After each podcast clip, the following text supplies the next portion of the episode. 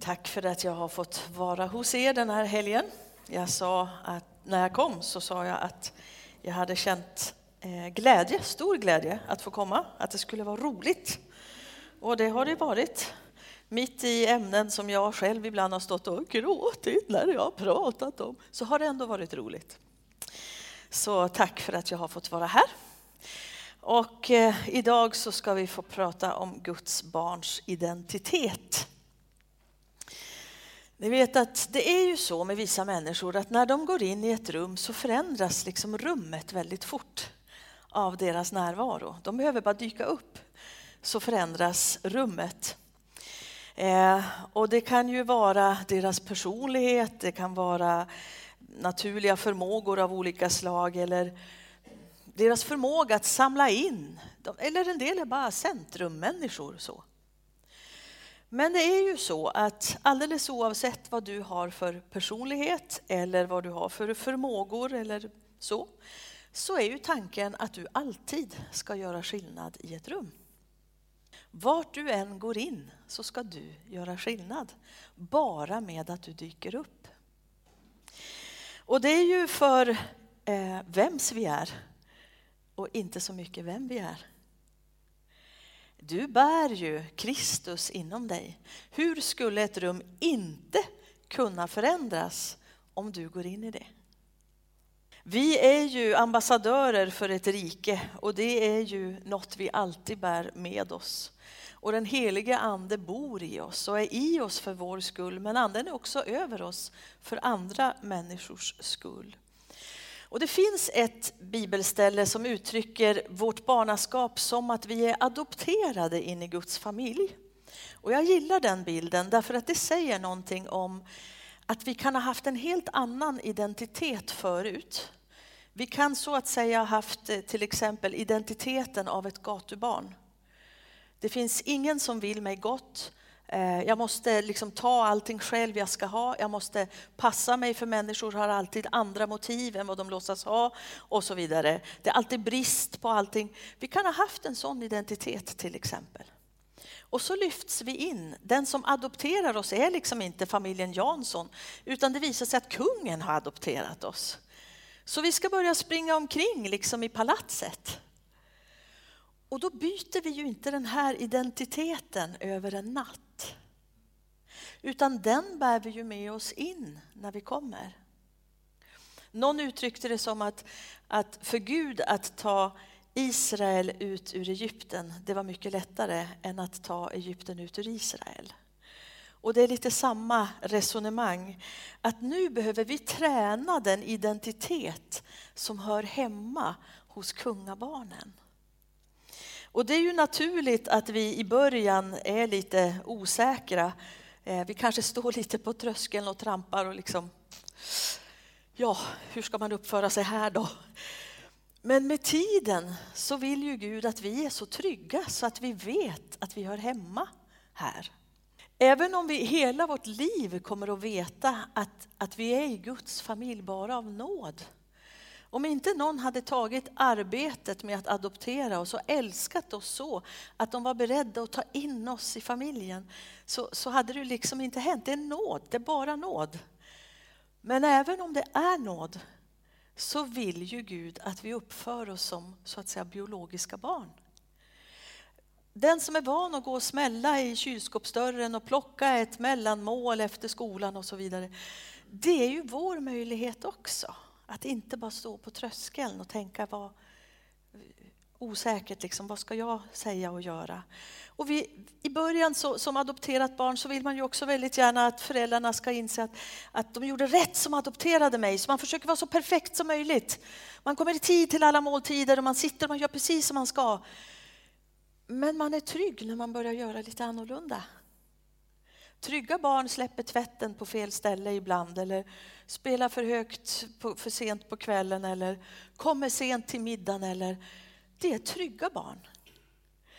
Och Jesus är vårt syskon och han, han förväntar sig, han och Gud förväntar sig liksom inte att det ska bli rätt hela tiden. Utan vi tränar den här liksom nya identiteten och slappnar av och vi lär oss en, en relation istället för en religion. Och så lever vi här i kungens palats som hans älskade barn. Och då börjar vi förstå att hans planer för oss, de är mycket, mycket högre än vad vi lyckas tänka. Och vi vill byta ut den här småttigheten som vi bär i vår tanke om oss för att fråga, hur ser du på mig? Har du råd att ha så många tankar i ditt huvud om dig som Gud inte har i sitt huvud om dig? Har du råd med det? Med tanke på hans tankar som är så mycket högre. Och vi lär oss då också att välja bort en del saker därför att det, det blir liksom inte representativt. Jag har ett antal val att göra men de där valen de representerar inte den jag lever hos idag, den familj jag hör hemma i idag eller den jag har blivit idag. Så därför väljer vi bort en del alternativ för de är bara för låga för den vi idag får vara. Vi ska så småningom komma till bibelställen men först ska vi faktiskt ha en bild som jag gillar skarpt. Vi ska se om den kommer upp här. Den här tjejen gillar jag. Där står det If at first you don't succeed, adjust your crown and try again. Om du inte lyckas första gången, justera kronan och försök igen. Om eh, prinsessan Victoria kom in här så skulle hon inte kunna komma liksom inkognito. Det spelar ingen roll hur stor brätte, säger man så, hon har på sin hatt. Vi skulle alla observera det. Visst, visst, är det, visst är det Victoria? Ja, det måste ju vara hon. Nej, det liknar hon. Nej, det är hon. Så skulle vi direkt säga. Och det är lite samma som oss. Vi behöver inse att vi förändrar ett rum när vi går in i det. Därför att idag är vi kungabarn. Och vi behöver inte säga så mycket för att dynamiken ska förändras därför att anden bor i oss. Och det gör att det finns miljöer där vi kämpar för att smälta in och aldrig kommer att lyckas göra det. Därför att det är för skilt mot den identitet vi har idag. Allt kan hända när vi bär Guds rike inom oss. Om du går på mataffären, då är Guds rike på mataffären. Vad kan hända på mataffären då? Och du och jag kan gå in i ett rum som kan vara väldigt fullt av mörker, både andligt och själsligt. Men du är ljus. Det ljus du bär inom dig, det har ingen skugga. Kristus bär inga skuggor. Så den här nya människan som vi är i Kristus och som vet sin, sin vikt och sitt värde på grund av vems vi är, får helt enkelt träna sig att välja högre tankar och handlingar för att de är representativa för det rike som vi nu tillhör. Vi bär en önskan om att få betjäna på det vackraste sätt så att det liksom visar det rike som vi kommer ifrån. Och ni vet, många människor som säger nej till Gud, de engagerar ändå Gud när det blir nog svårt. Om man hamnar i nog stora svårigheter så liksom, finns du Gud, så, så hjälp mig. Och ibland gör vi likadant. Vi liksom lever på och det är först när någonting så här katastrofartat händer, händer som liksom, Gud hjälp mig, ta mig ut ur det här. Men vi har ju möjlighet att göra val utifrån vår identitet. Att liksom inte hela tiden gå under eller gå in i allt det som är våra omständigheter. Vi kan ju få utgå från frågor som Vem är du Gud mitt i det här som händer nu? Att inse att varje omständighet faktiskt också är en möjlighet till förändring och utveckling av din och min karaktär, av vår personlighet. Och då vill vi vinna den segern, oavsett omständigheterna. Tänk om vi kan få börja sätta oss över en situation tillsammans med Gud och inte under omständigheterna. Det finns en humoristisk film, Evan den allsmäktige. Hur många har sett den? En riktig familjefilm? Yes.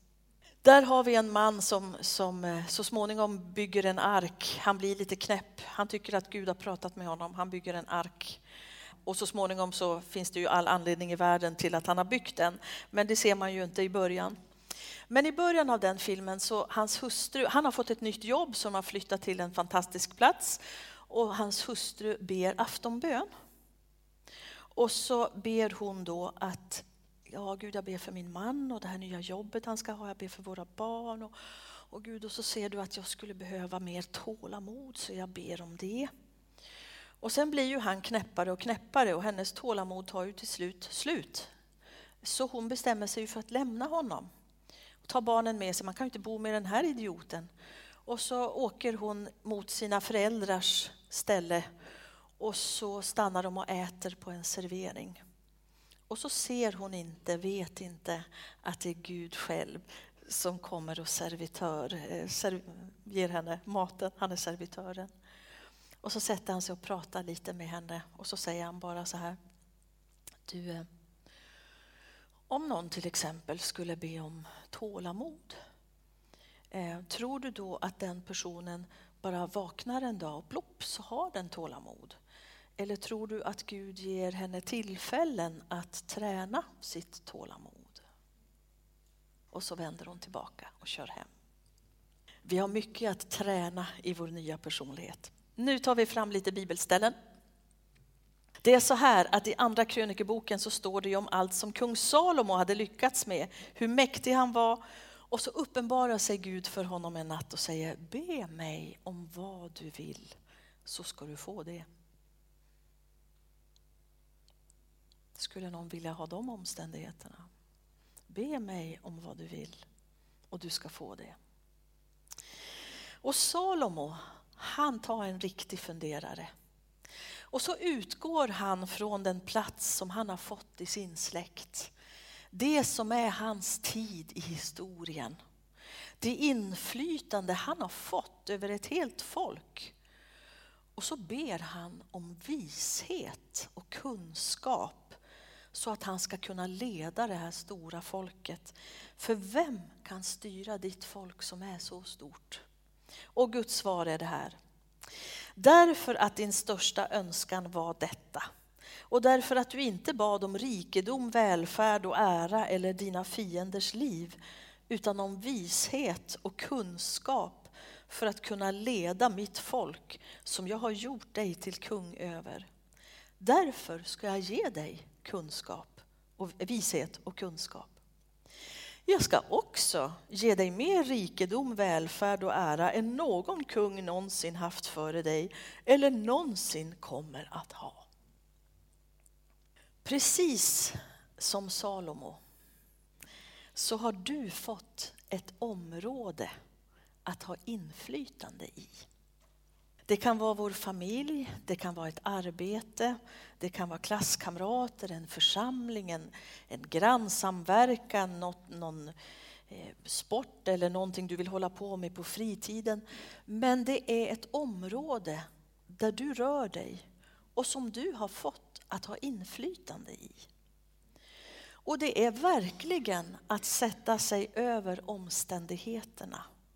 Att be Gud om vishet och om kunskap att påverka på hans sätt inom de områdena. Istället för att bara be böner om att få ha det så bra som möjligt. Ära och rikedom och knöla till han som är emot mig hela tiden och, och den typen av böner.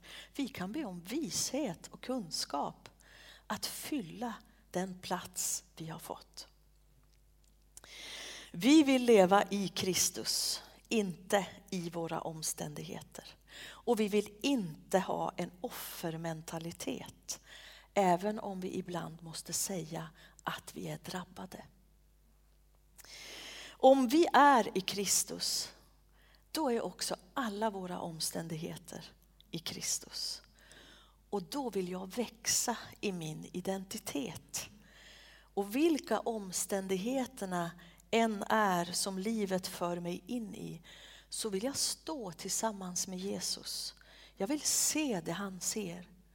Jag vill bli det han vill att jag ska bli och agera som han vill att jag ska agera.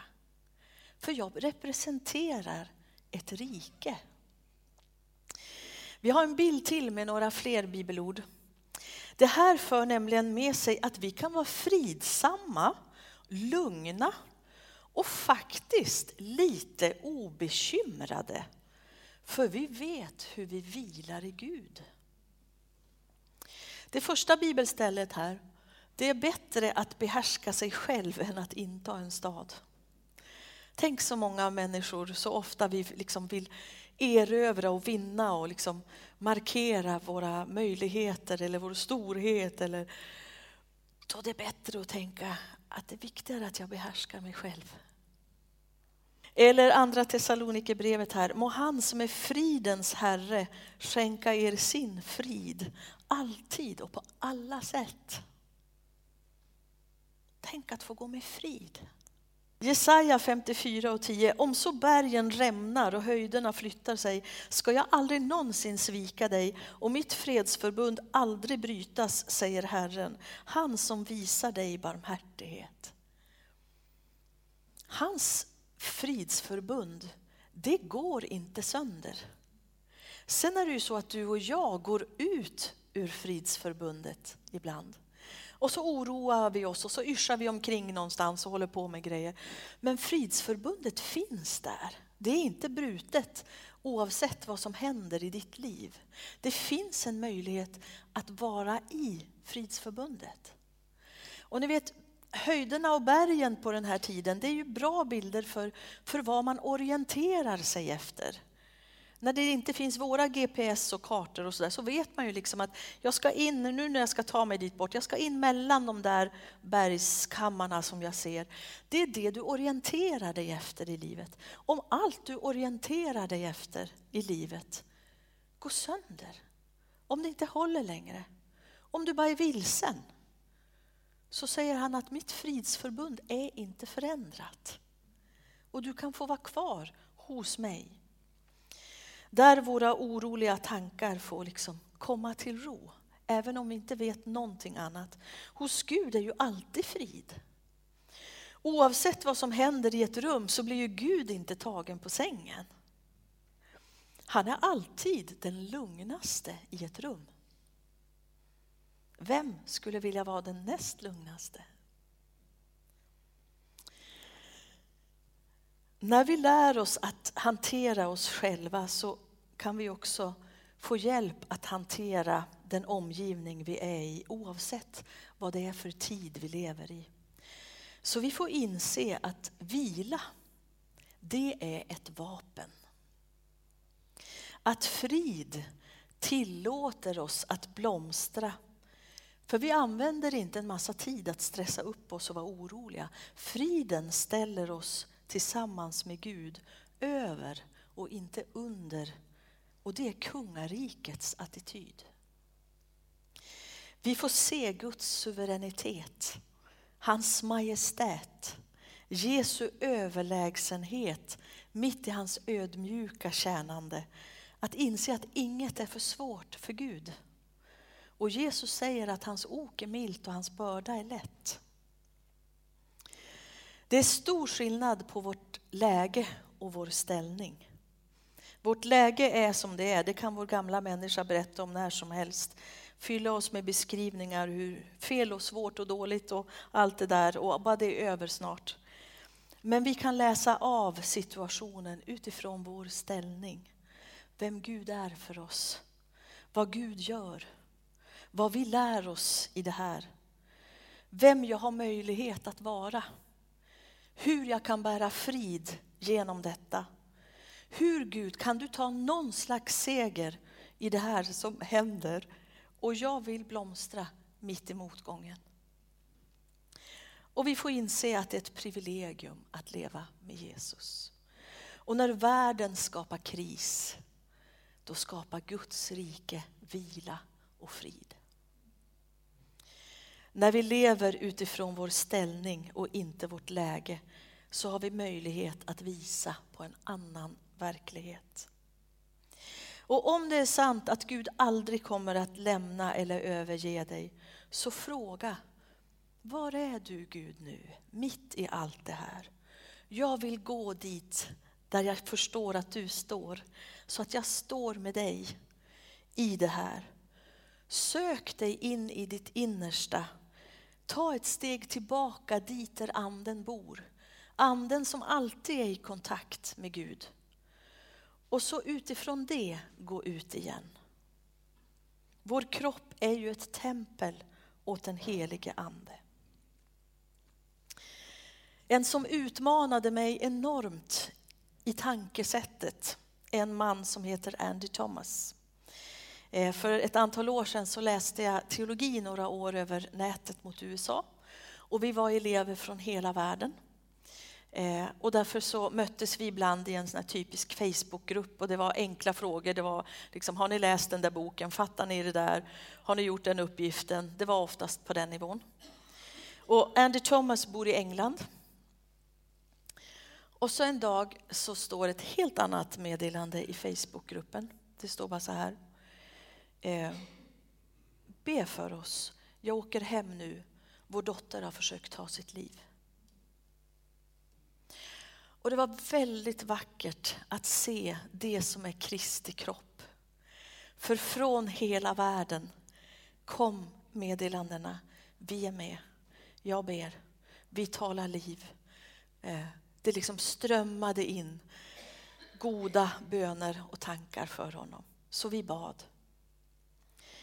Efter ett tag så kom meddelandet She's gone. Hon är borta. Ni kan sluta be. Och då hade vi på något sätt redan, förstå mig rätt, lite grann eldat upp oss. Så jag, jag vet att jag gick, jag liksom, men i Jesu namn. Jag, var redan liksom fired up. Så att, att bara avsluta det här kändes jättekonstigt. Och det var tydligen fler som kände samma över världen. Därför att någon skrev att det här bestämmer du och din hustru. Men vi har talat liv över henne och om ni vill så fortsätter vi be om liv. Och så gick det en liten stund och så stod, skrev han, jag har pratat med min hustru. Ni får gärna fortsätta be. Så vi fortsatte be. Och så gick det en natt. Och så fanns ett meddelande där han sa, Gud har talat med mig i natt. Jag vet hur det är när Gud talar, för jag har levt med Gud så länge. Och hon vill inte komma tillbaka. Så vi kan ge upp här, vi kan sluta här. Och så skrev han också, be mig inte om något mer, för nu taxar jag ut ur Guds rike. Och vi bad ännu mer. Det var så tufft. Men det kom också in sådana här kommentarer där det kunde stå så här. Ja, jag ville inte säga det förut, men men jag såg också att hon är fullt nöjd där hon är. Någon skrev så här, ja det här kanske låter fånigt men jag ser henne stå och spela elbas. Och så var det tillsammans med så här Mose eller Johannes eller någon. Jag ser henne stå och spela elbas med Mose. Och då skriver han, hon spelade elbas. Skriver han. Sen går det en natt till och vi bär, det var deras enda barn. Och så dagen efter, ännu en dag, så står det med chockrosa bakgrund. Så har han skrivit så här. If I can't raise my own daughter, I'm gonna raise someone else's daughter. It's payback time. Om jag inte får vara med och resa upp min egen dotter så vill jag vara med och resa upp någon annans dotter. Det är dags att ge igen. Och så började han planera för hennes begravning utifrån den här tanken att hennes skolklass kommer att vara där. Det kommer att finnas unga människor där som behöver få förstå att Jesus älskar dem. Han valde en evangelist som skulle hålla i begravningen. För han vet, han är så bra på att prata med unga människor. Och så gjorde han det här avtalet med Gud. Gud, nu vill jag att åtminstone sju unga människor i förlängningen av det här får möta dig. Jag förstår att man kanske inte blir frälst på en begravning. Men jag vill att det här får vara en pusselbit i att du finner sju unga flickor som betalning för min dotter. Jag var så utmanad av det här sättet att tänka. Det är ett annat sätt att tänka än det jag är van att tänka. Att utveckla en sån tillit till Gud som ett sätt att leva. Jag vill vara så upptagen av vem Jesus är, så fascinerad av honom att jag inte vill bli skrämd, hinner bli skrämd av något annat. Hur kan vi lära oss att vara kvar i Gud oavsett svårigheter? Att inse att varje svårighet är en möjlighet till förändring. Att jag kan få förstå mer av min identitet. Att jag inte ska sörja för länge eller klaga eller bli ett offer eller fastna. För Gud kan alltid göra något nytt. Och allt ska i längden kunna användas av honom om vi lägger det i hans hand. Det har han lovat. På något sätt ska saker ändå kunna samverka för dem som älskar Gud. Även om det finns stora delar som vi aldrig får ett svar på. Så jag vill göra mina val utifrån vem Gud är för mig och inte utifrån vad jag vill ha ut av en omständighet. Att få se hans hand i arbete. Och jag vill vila i väntan på att se det ske. Jesus sov i vissa stormar. Tänk om vi har auktoritet över varje storm vi kan sova i.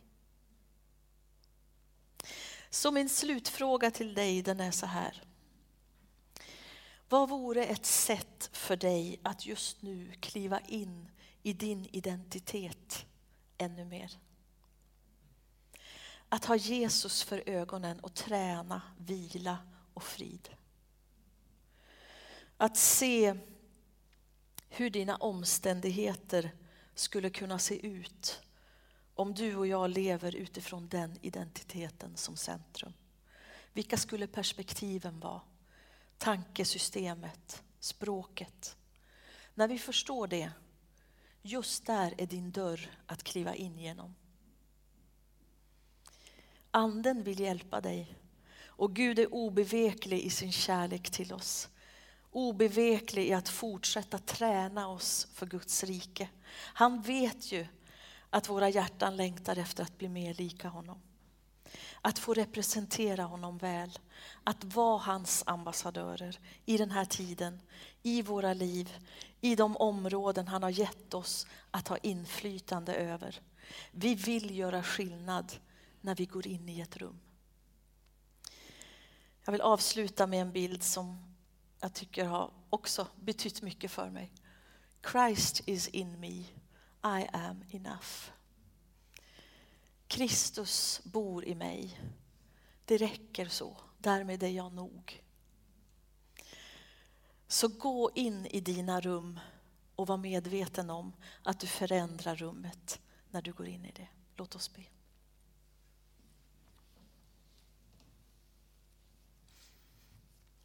Herre, tack för att du tar vilsna gatubarn och bara bara gör Kristus eh, syskon av dem, kungabarn.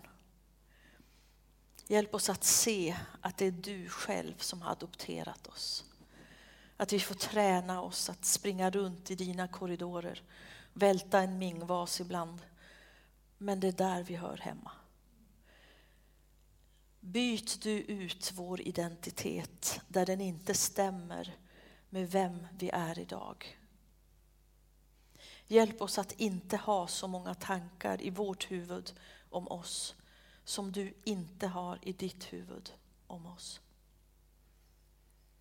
Och gör oss modiga att göra skillnad i de rum vi går in i, i de områden vi har fått att göra skillnad i.